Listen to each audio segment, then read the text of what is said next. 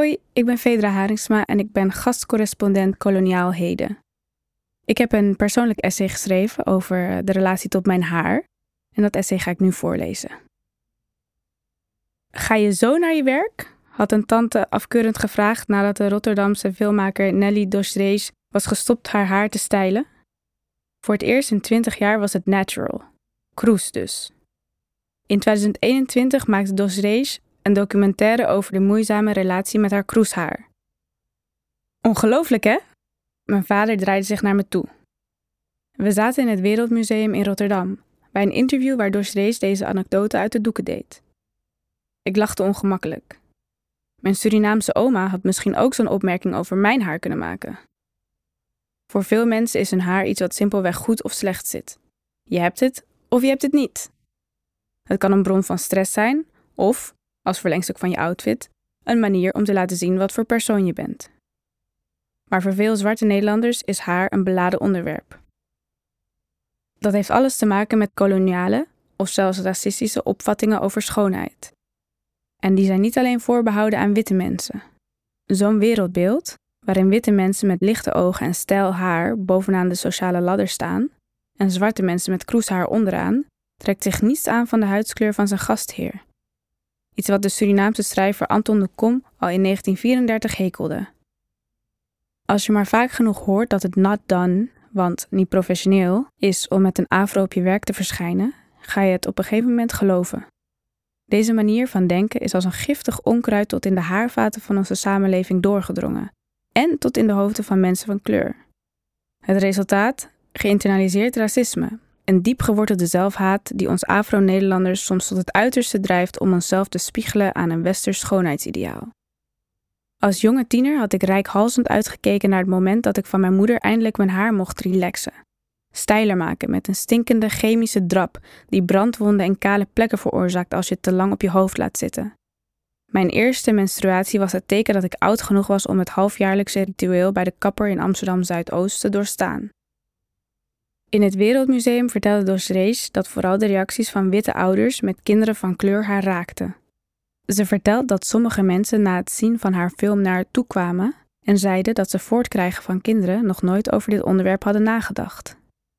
Heb jij er wel eens bij stilgestaan dat ik als kind ook stijl haar wilde hebben, net als mijn vriendinnetjes? vroeg ik aan mijn vader, die ook wit is. Zijn wenkbrauwen schoten omhoog. Nee, eigenlijk geen moment. Hoe was het mogelijk, dacht ik. Mijn halve leven heeft zich afgespeeld op de 60 vierkante meter van zijn appartement, waar we één slaapkamer en één woonkamer deelden. In die woonkamer kookte hij, keken we films, verzamelde hij kunst en struikelde hij over mijn rondslingerende speelgoed. Terwijl, al op jonge leeftijd, in de poppenhoek begint dat gemankeerde zelfbeeld van mensen van kleur zich te nestelen. De vaak herhaalde DOL-test legt geïnternaliseerd racisme bij kleine kinderen bloot. Kinderen wijzen negatieve eigenschappen, zoals stout en gemeen, vaak toe aan poppen met een donkere huidskleur, en positieve eigenschappen, zoals lief en slim, aan de pop met een lichte huidskleur. Hoe waren mijn haarperikelen aan mijn vaders aandacht ontglipt? Het antwoord is simpel. We hadden het er gewoon nooit over gehad. Tot we van het Wereldmuseum naar huis fietsten. Ik vond je perfect zoals je was, zei mijn vader. Ik dacht dat je je haar soms stijlde omdat het praktischer was en dat je het leuk vond om het in te vlechten voor de afwisseling. Dat klopt. Maar toch, door Sheree's openhartigheid over hoe lastig het voor haar is om zichzelf mooi te vinden met kroeshaar, zette niet alleen mijn vader aan denken, maar ook mij. Was ik echt tevreden als ik mezelf in de spiegel aankeek? Hoewel vlechten enerzijds onderdeel zijn van een eeuwenlange traditie, een uiting van een cultuur en geschiedenis die mij toebehoren, maar die oneindig veel groter zijn dan ikzelf, is het voor mij ook een manier om mijn haar te verlengen met extensions. In een maatschappij waarin lang haar symbool staat voor vrouwelijkheid, is dat nogal wat. Die lange vlechten halen dat zweempje kinderlijkheid ervan af, had een Italiaanse vriend goedkeurend opgemerkt. Hij kende me niet anders dan met kort opgeschoren haar. Nu lijk je een echte vrouw, had hij gezegd.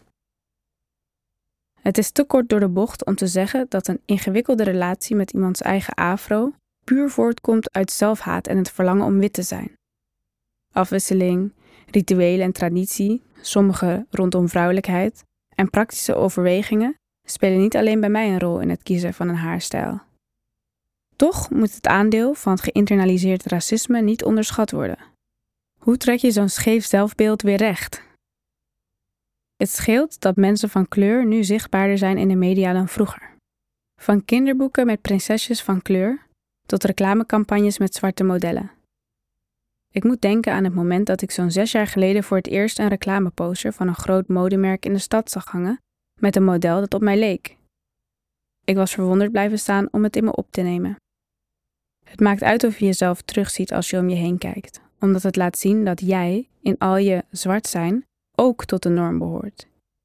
Wie zichzelf niet terugziet, leeft impliciet als eeuwige gast in eigen land. Daar ligt enerzijds de taak voor het doorgaans roomwitte medialandschap, om ervoor te zorgen dat de aandacht voor inclusie en diversiteit van de laatste jaren geen tijdelijke trend blijkt. Laat niet alleen modellen en acteurs de samenleving weerspiegelen, maar ook de directeuren, redacties en bestuursraden.